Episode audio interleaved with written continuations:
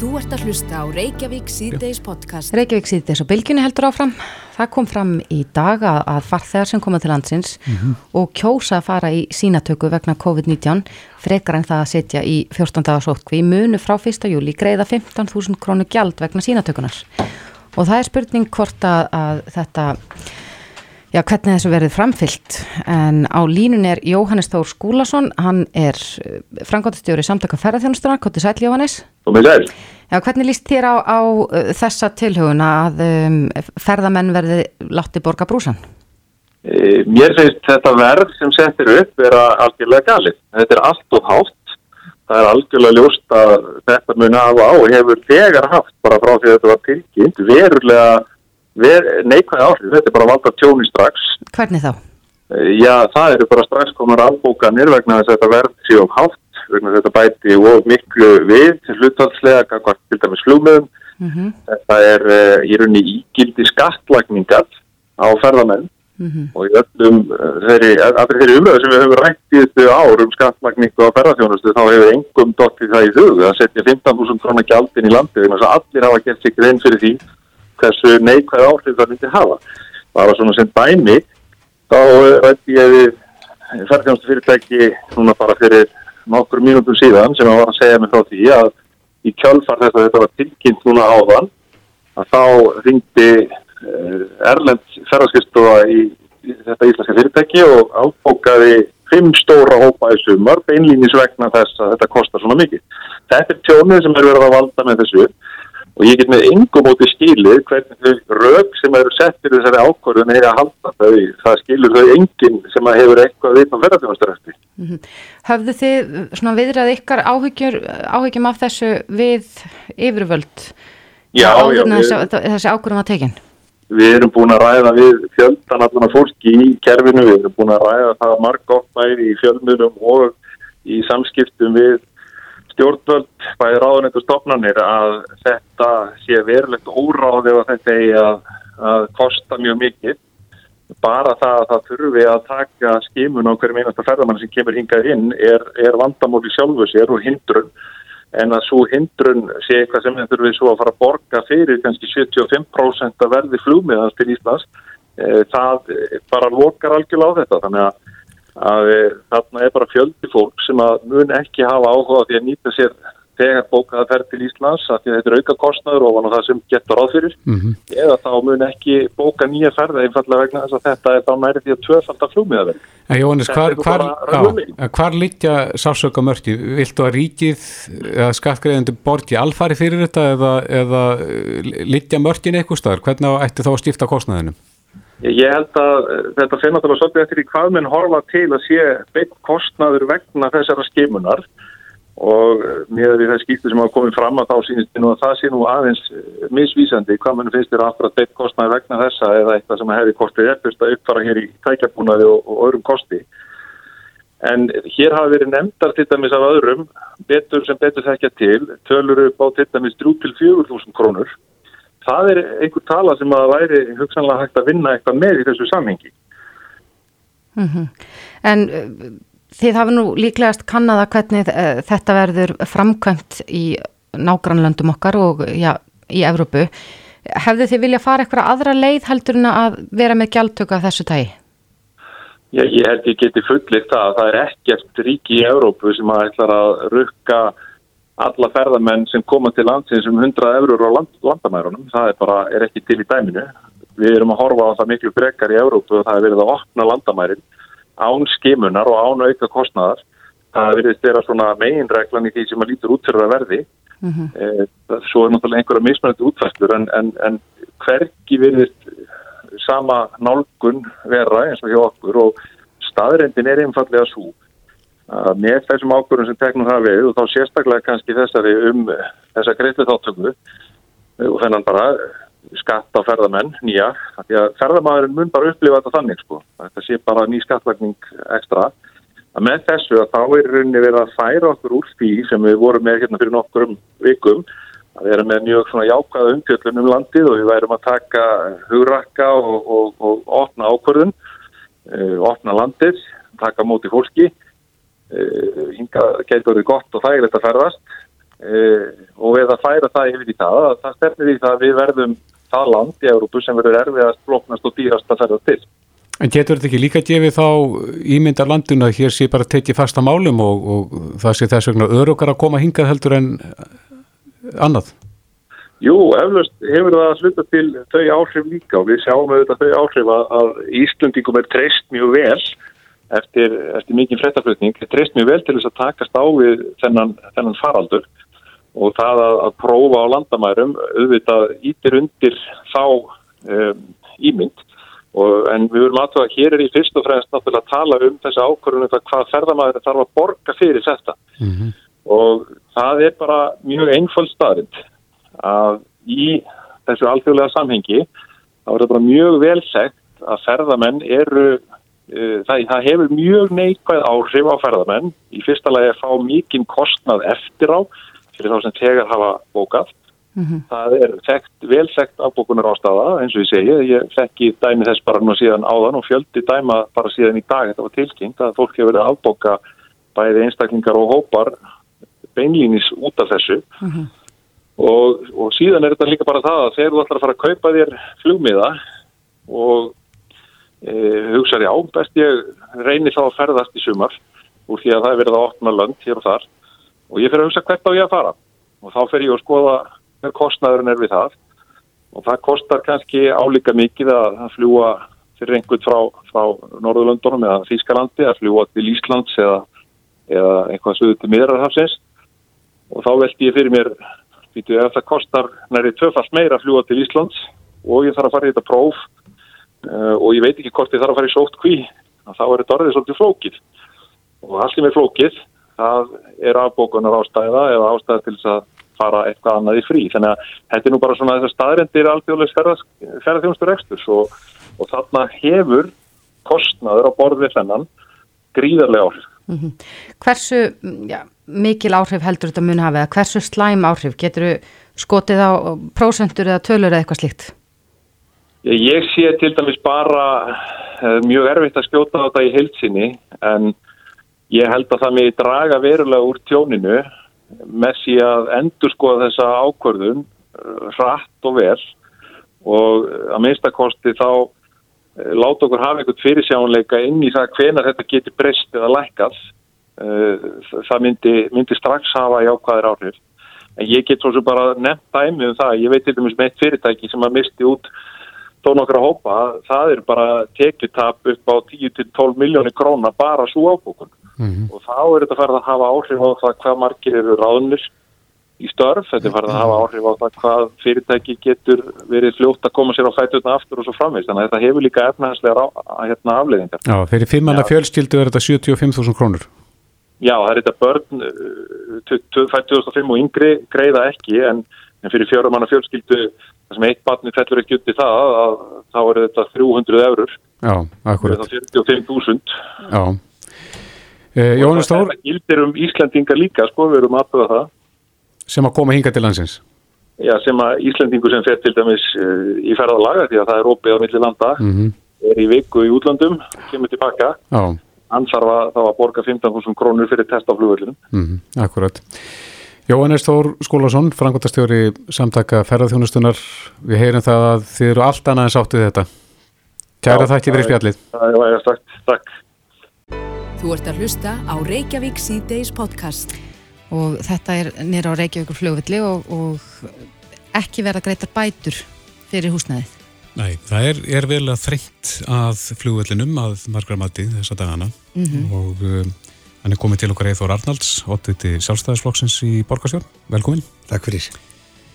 Ja, hver, hver er, hvert er þitt mat á þessari stöðu á þessum málum þetta niður frá? Já, mér finnst þetta, við þurfum alveg hálf styrla að ætla að rífa hús og ekki greiða bætur, það stendst náttúrulega lenga skoðun, það er ekki hægt, menn get ekki eins og tekið sumabústað af lóð og þess að borga fyrir það, þekkjum það nú bara frá þingvallanemnd og öðru, þannig að eh, það kom ég mjög óvart að menn séu komnir svona langt, sérstaklega því að það er nýlega búið undir samkómala millir ríkisins borgarinnar um að flugvöldurinn verði áfram og rekstrar örgi hans tryggt á meðan annars staður sér skoður mm -hmm. og það er bara í nógumberð skrifum við þetta En þetta snýst nú kannski ekki um að fjarlæga flugullina öllu leiti það er verið að þrengja verulega að honum með, með nýju íbúðakverfi í mm -hmm. skerjafyrðinum er flugfélagi erðnir að þínu mati nöðsynlegt til þess að, að þetta geti að flugullurinn geti áfram starfa þarna?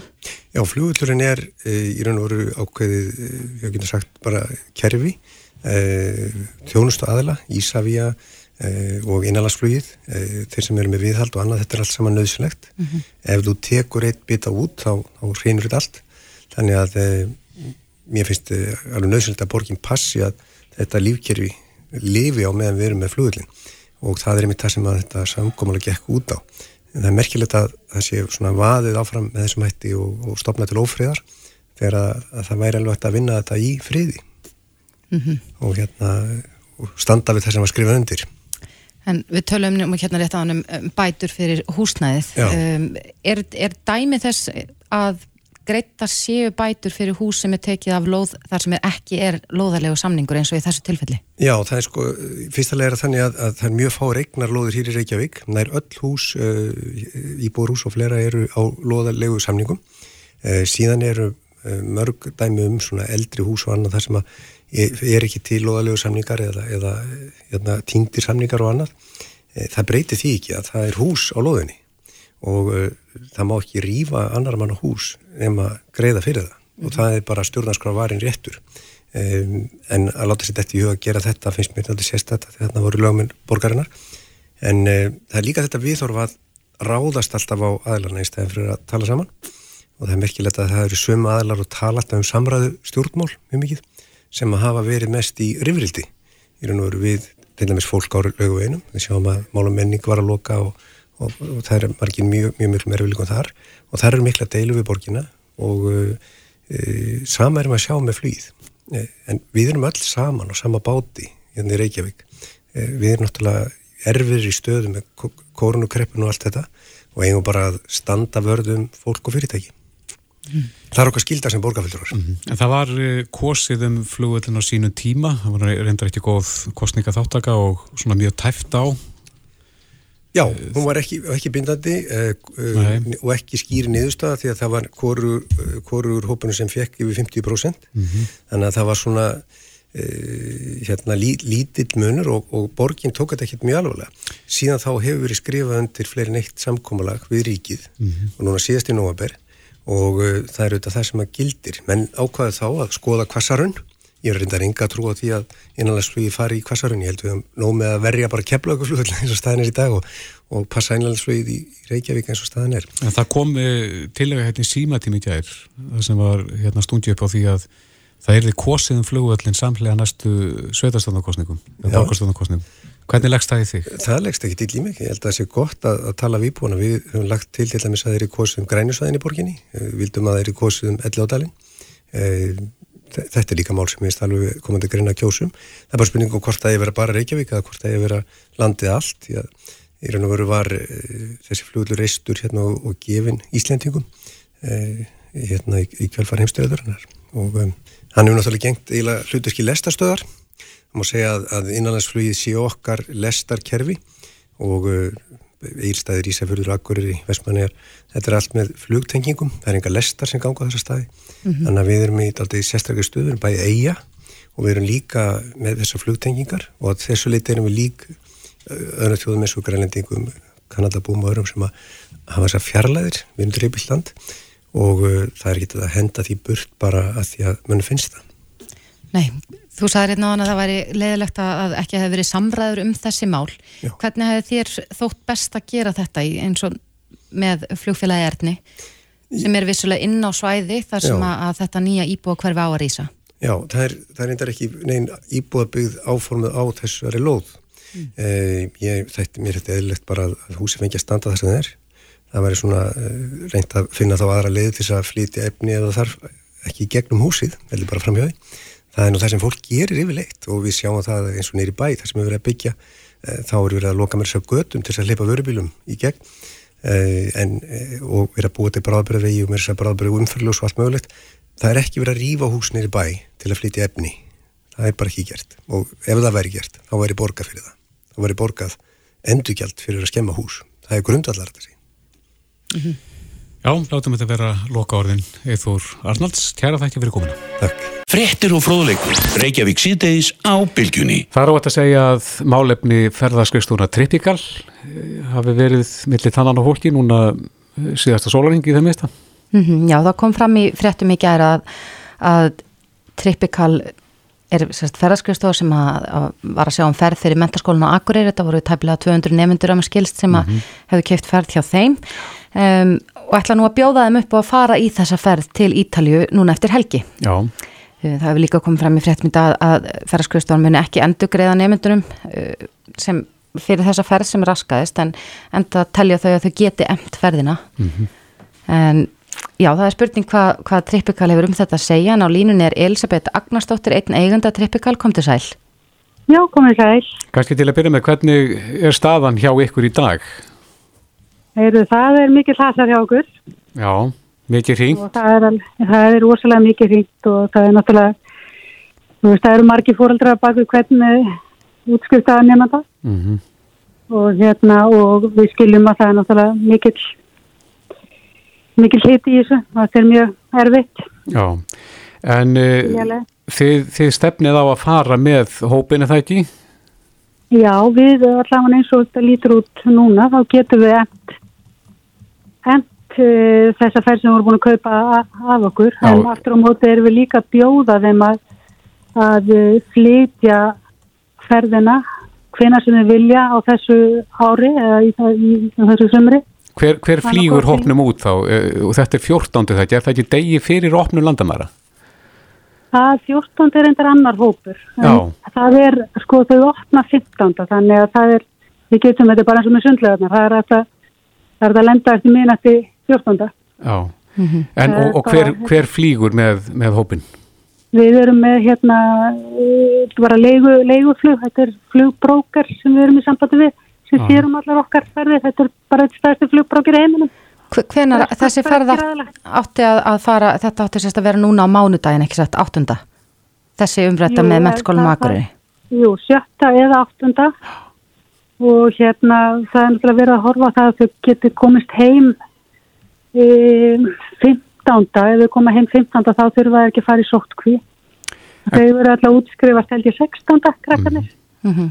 og Ítalija er opinn og, og hótelið bara vil fá okkur hver, hver er staðan þar núna í, bara í ítalsku samfélagi? Er, er eitthvað kröfur um sóttkví þegar að lendir eða? Nei, það er ekki kröfur um það og það eru hérna, þeir segja allt sé opið og þessi svolítið síðan við opnuðu hótelið og allt sé bara komið að full. Ég sé að klúparnir eru að byrja að ræðlýsa fullu líka mm -hmm. sem eru svona hérna svona það sem krakkinir eru að leita eftir. En, en ástandinu er ekki lokið í, á Ítalíu, er ekki en þá uh, greinast tilfelli? Ég, ég bara, Ítalíu er allavega opinn og það er, það er bara þessi stjórnmynd er að er að hérna, mæla með og við þurfum bara að treysta því mm -hmm. en, en er... eins og svo vil ég endur taka það líka við erum búin að bjóða þeim að fara hvena sem við vilja mm -hmm. annarkostur Ítalju eða Grítar á þessu ári eða á næsta ári og með... inneignir til fjögra, fjögra ára sem að þau geta áframselt og, og gert það sem við vilja við mm -hmm. en, en við erum bara þeirra... þetta vilja gera og Ekki, þeirra krafa hefur nú kannski verið svolítið hávar í fjölmjölum að, að þau vilja frekar fá endurgreðslu og samkvæmt Breka Karlssoni formanni neitundasamtakana segir hann að, að það sé skílus réttur til endurgreðslu samkvæmt þessum lögum um pakkaferðir. Eh, hefur ekki komið til talsfjá ykkur að endurgreða þessum nefndum? Sko ef við getum enda okkar eh, skuldbendingar þá hérna þá er ekki er það ekki einn af kostunum Við erum búin að borga hérna allt út til okkar, eh, til okkar hótels eða hótela og, og, og flug, flugfélaga mm -hmm. og við fáum yngar endugreislur. Hvað við þýðir það ef að, ef að þið endugreiðið hópnum? Hvað þýðir það fyrir fyrirtækið? Við, sko máli er að við erum með 650 að með minnir útskiptanemundir sem er að fara með okkur þetta árið og við þurfum að gæta jafnbræðis mm -hmm. og ef, að, ef að við þurfum að endur greiða öllum 650 uh, útskriftanimmundunum þá náttúrulega fer bara fyrirtækið í þrótt og það blasir það við hægt, það bara blasir við. Þetta er, þetta er bara þannig bransi að álækningin er ekki það háa að setja standa undir þessu. Sko. Er þið tryggð fyrir svona aðstæðan? Já, við, við erum, erum vel tryggð en tryggingarnar bara fara ekkit í, í, gangi eða það er ekkit að virka þær fyrir að fyrirtæki fyrir þrótt. Já, já. Mm -hmm. En það hefur nú aðeins heyrst... Þetta er alveg, alveg galin ástaf. Akkurat, þetta hefur nú líka heyrst í þeim uh, nefndurum að þetta sé svona ákveðin forsendubrestur líka í ljósi þess að, að um, ef einhver veikist úti, ef einhver smitast úti að þá þurfum við allir nefndunir mögulega að sæta því að fara í sótt kví eða, eða við heimkomu uh, og það hefur nú heyrst að, að það geti verið ástæða uh, til þess að meiga afboka og, og fá þá endur greitt. Er, er það bara alveg úr myndinni hjá ykkur að gangast við því að endurgreða þessar? Sko ég vildi óska þess að við gætum það. En það er bara ekki, það er bara ekki hægt og það þýðir það að, að við þurfum náttúrulega, við erum með þessar 650 nefndur sem við þurfum þá að endurgreða vantalega líka e, og við erum með 2000 aðra fartegar sem að er, við erum búin að flytja á aðra dagsinningar þessu ári, síður árinu og næsta ári Þannig við þurfum bara að gæta jafnræðis og, og, og hugsa þeim líka. Já. Hvernig er fólk að taka í þetta? Eru margir að, að senka för eða? Það eru einhverjir búin að hérna, uh, óska þess að fara setni sumar, mm -hmm. einhverjir næsta sumar og svo erum við einhverjir búin að bóka kostandi hella sem að mér finnst verið svona leiðilegt hvað því er illa tekið. Já en það, það þykir mörgum það svolítið skondið að að bjóða upp á ferð til hellu, fjóra dagar ferð til hellu í staði fyrir Ítalju? Já, sko, við viljum endilega fá þau til Ítalju en, en, en það væri náttúrulega best fyrir okkur. En af hverju hella? En að við erum bara, gerðum góðan samning þar við Hotel Strakta sem allar bara leiði okkur að vera með hotelli fyrir það já, og við ætlum að setja þar upp bara hérna svona drauma heim eða, eða með palmatrjám og, og, og alls konar kemtaðadröðum og íslenskum eh, artistum og, og, og fullt af skemmtilegum hlutum sko. Þannig að hérna, þetta er bara, þetta er bara samkvæmt því sem að Víðir er að tala um að ferðast innanlands og, og, og, og foreldrar hafa mikið hýtt í okkur og tala um það. Mm -hmm. Þannig að við erum bara bregðast í því. Sko. Já, en Elisabeth, þú saði mér í dag því ég hýndið að, að það væri að hýndja mjög reitt fólk til ykkar. Já, Það, er, það hefur mikið af hérna, reyðu fólki hring núna og, hérna, og það er mikið ála á starfsfólkinni hjá okkur. Já, hafið þið fengið hótanir? Og já, og við, já, við hefum fengið hótanir en við, við, skiljum, við skiljum þetta alveg. Þetta er náttúrulega bara ömulegt mm -hmm. og við erum bara neytundu líka, við erum að reyna að fá endur greið frá okkar aðeins sem að endur greið okkur ekki, þannig að við skiljum þetta alveg fullkomlega og þetta er bara ömulegt og ömulegt að þau fá ekki sína útskriftafærð. Já. Ég myndi helst vilja vera með þeim bara út á krít núna að hérna, spóka mér í sólinni með, hérna, með fullt að glöðum krakkum í kringum. Mm -hmm.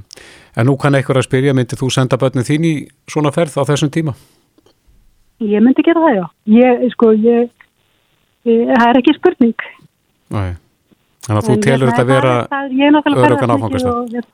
Krít er alveg, það er bara, það er mjög, var mjög lítið um smitt það voru, ég man ekki hvað það eru 15 e, og enginn látist þannig þetta var, var afskaplega lítið um smittar og Já, en, en? Það verður meira hægt fyrir þá að fá okkur til sín heldur en öfut sko.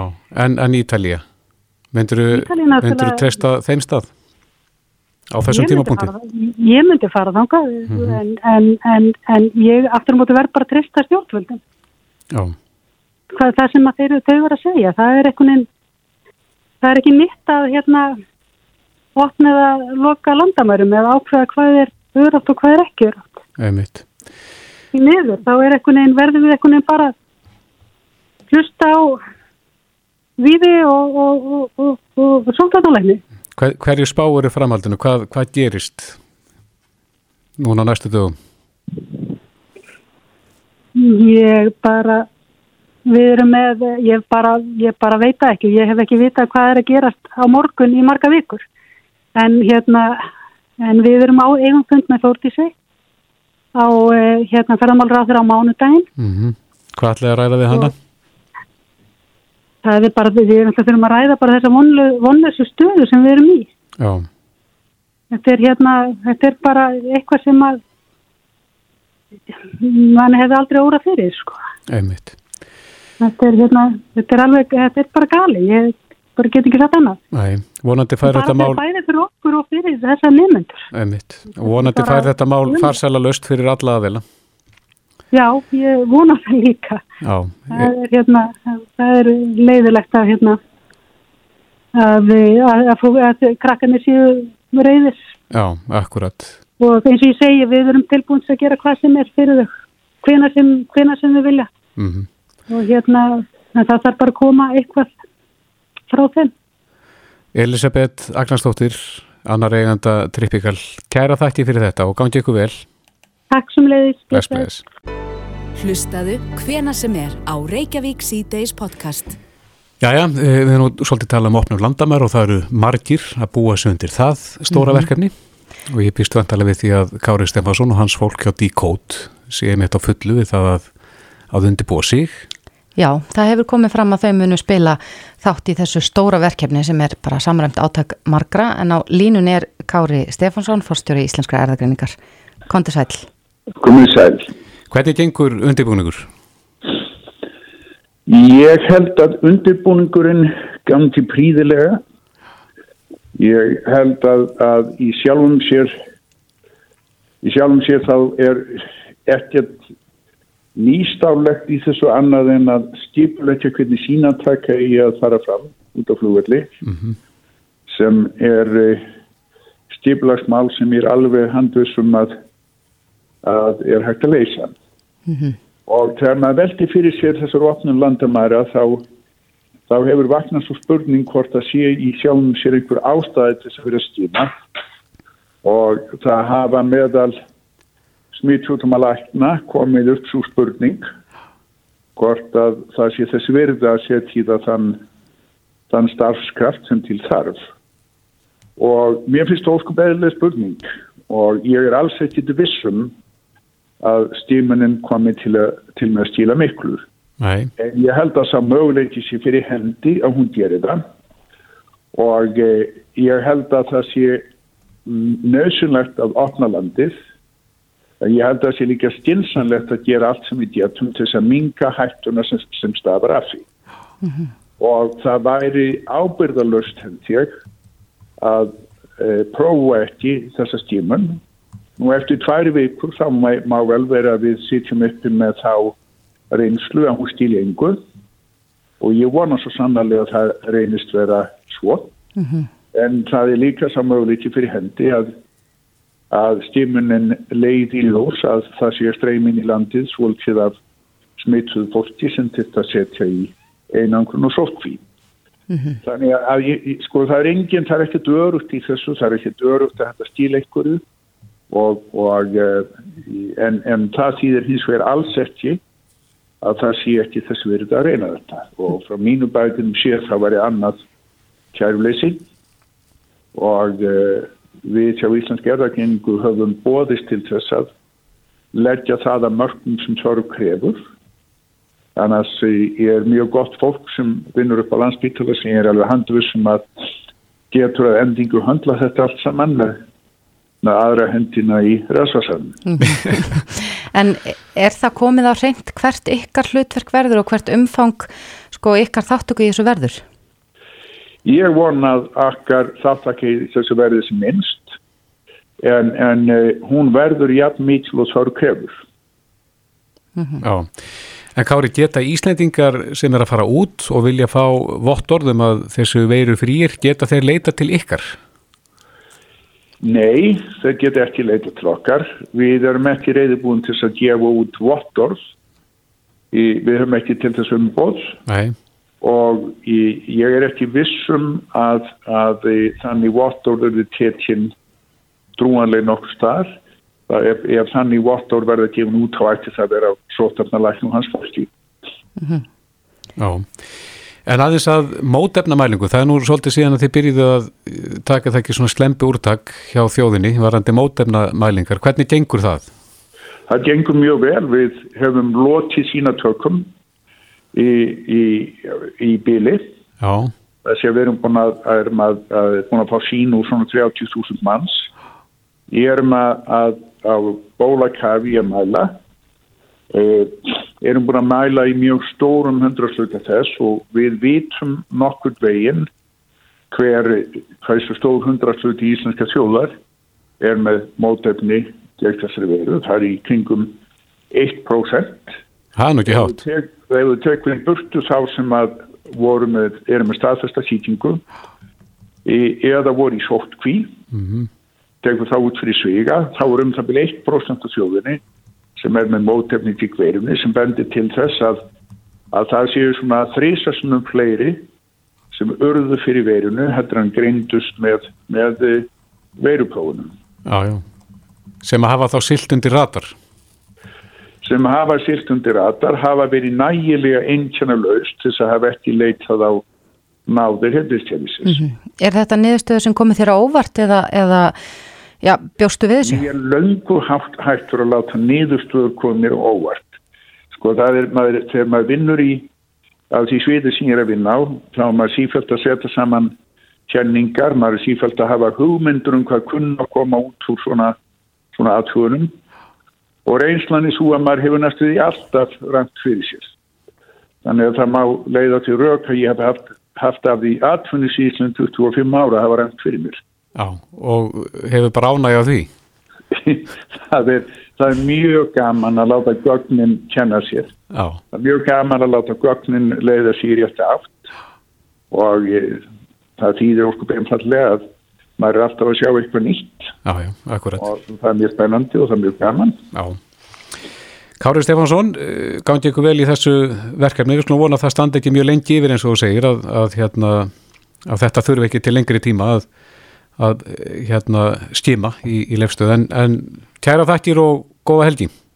Takk, takk sumleis Reykjavík síðdeis á bylginni Jæja, í dag er stór dagur hjá Nóa Sirius. Já það er nefnilega gaman að segja frá svona gömlum eh, íslenskum fyrirtækjum sem er enn að gera það gott en mm -hmm. á þessum degur 1920 um, hóf brjóstsikur skerðin Nói mm -hmm. starfsemi við tungutu í Reykjavík í Kjallara. Já, þá var hann ekki búin að trúla á Sirius.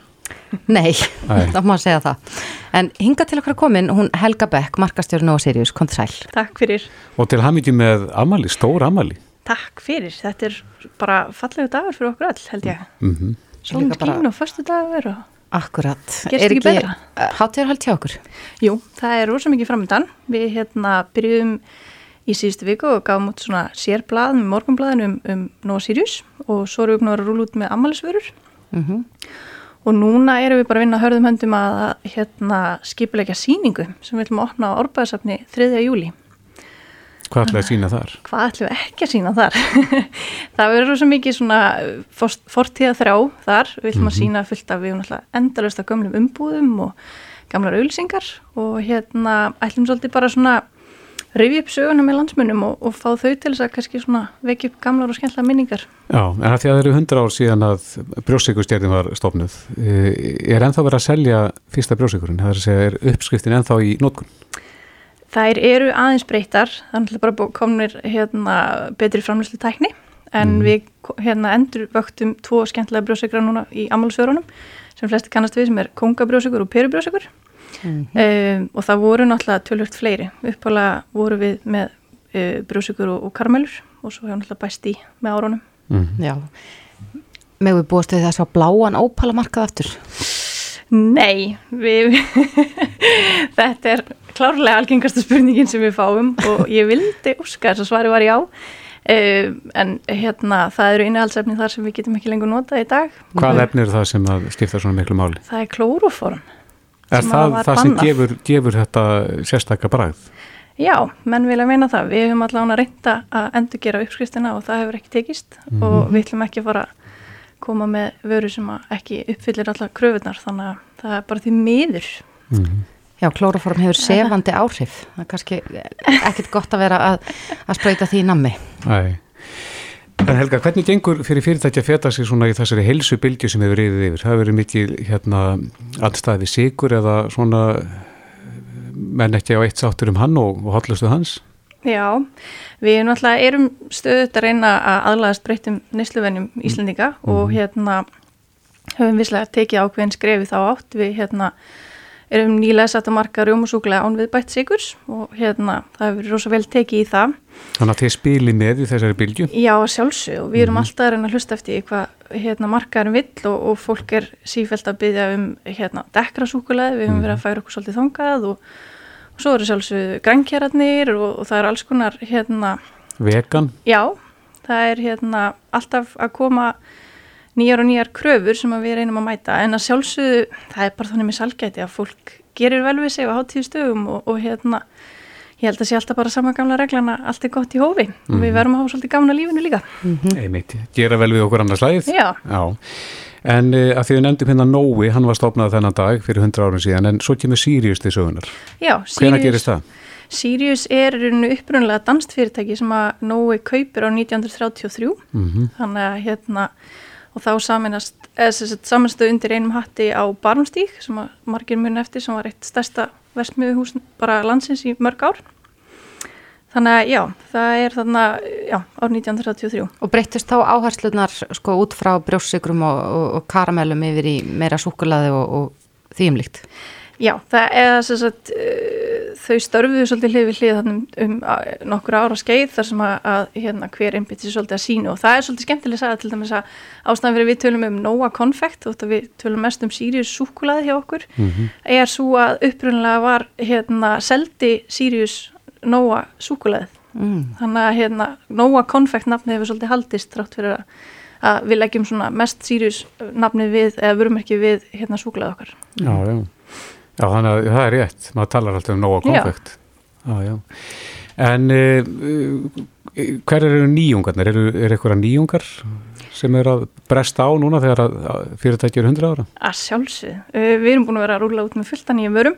Um, við komum ymitt með smá hérna hand ykkur, það er nú helgi framöndan og svona. Næ, það hefur það. En við erum með þessast sjö nýjar vörur sem að komi núna bara í vikunni á markað. Við erum svona að leika okkur bæði að því að búið til svona, hvað maður að kalla góður íslensku partipakka, það eru stór, stór trítlapóki með blöndu um trítlum svo erum við svolítið að leika okkur á gamlum umbúðum þannig að hérna við erum með nóa töblur sem eru svona litlar töblur í ösku. Og svo erum við með hérna Sirius Súkala í svona svolítið gamlum búning. Mm -hmm. umbúður sem flestir kannast við með Sirius innseglinu Já, já, en það voru margir sem að söpu kvæljur þegar það fréttist að því að hugsanlega væri e, súkulaðið svona í útrymmingarættu kakoplantan hvernig, hvað er að frétta því? Er ekkert málað að verða svo út um kakó í dag? Við höfum allavega ekki, ekki lengt í vandræmi en þá það er náttúrulega heimsmarkasverð á kakó við hefur söiblast töluvert og hérna en uh, við erum að fá rosa gott kakó sem er hérna með skemmtilega skemmtilegri sögu því við kaupum þess að það er Coco Horizons vottað sem er svona sjálfbærtinsvottun þannig að okkur er ekki sama hvaðan kakó okkar kemur. Mm -hmm en eins og segi, við höfum ekki, ekki fundið fyrir þeim vandraðum en þá Hafið þið kæft kakó uh, frá sama framleganda í öll þessi ár? Ég verði ekki en ég veit það ekki. En, en við erum búin að vesla við sama byrja í fjöldamörg ár. Mm -hmm. og konsúmuppskriftin fyrir ekki er, er upprunleg ah, Það eru margir súkulæði óðir. Það er eitthvað við súkulæði sem að, sem að hérna, kve, kveitir eitthvað stöðu var í heilanum. Þú þekki það? Ég þekki það. Já En uh, Amalis, hérna, síningin, hvenar byrjar hún á árbæðasafni? Hún opnar 3. júli, þannig að við bara hlökkum til að nú ætla allar að ferast innanlands að kíkja til okkar og, og hérna... Smakki bóði? Það verður eitthvað smakki bóði að sjálfsögðu, maður fyrir ekki á náminsýningu og þess að smakka neitt. Nei, akkurat. Ætlaði að tera gamla færibandi að nöftur? Nei, við erum nú ekki með það stóra aðstöðu því miður, en það verður hérna, til dæmis erum við með rosalega skemmtilegt vídeo sem sýnir framlistan okkar alveg frá held í 1940 eitthvað það eru svo gaman að sjá hvað eru miklu hliðstæður í framleyslitlum svo karmelum en þann dag í dag. Þetta hefur þó svo að tækibúðunarinn sé kannski uppfærið þá er, er ferlið en þá það sama. Mm -hmm. Já, Helga Beck markastjóri Nóa Sirius kæra þakki fyrir komuna. Takk fyrir mig. Reykjavík síðdeis á Bilginni podcast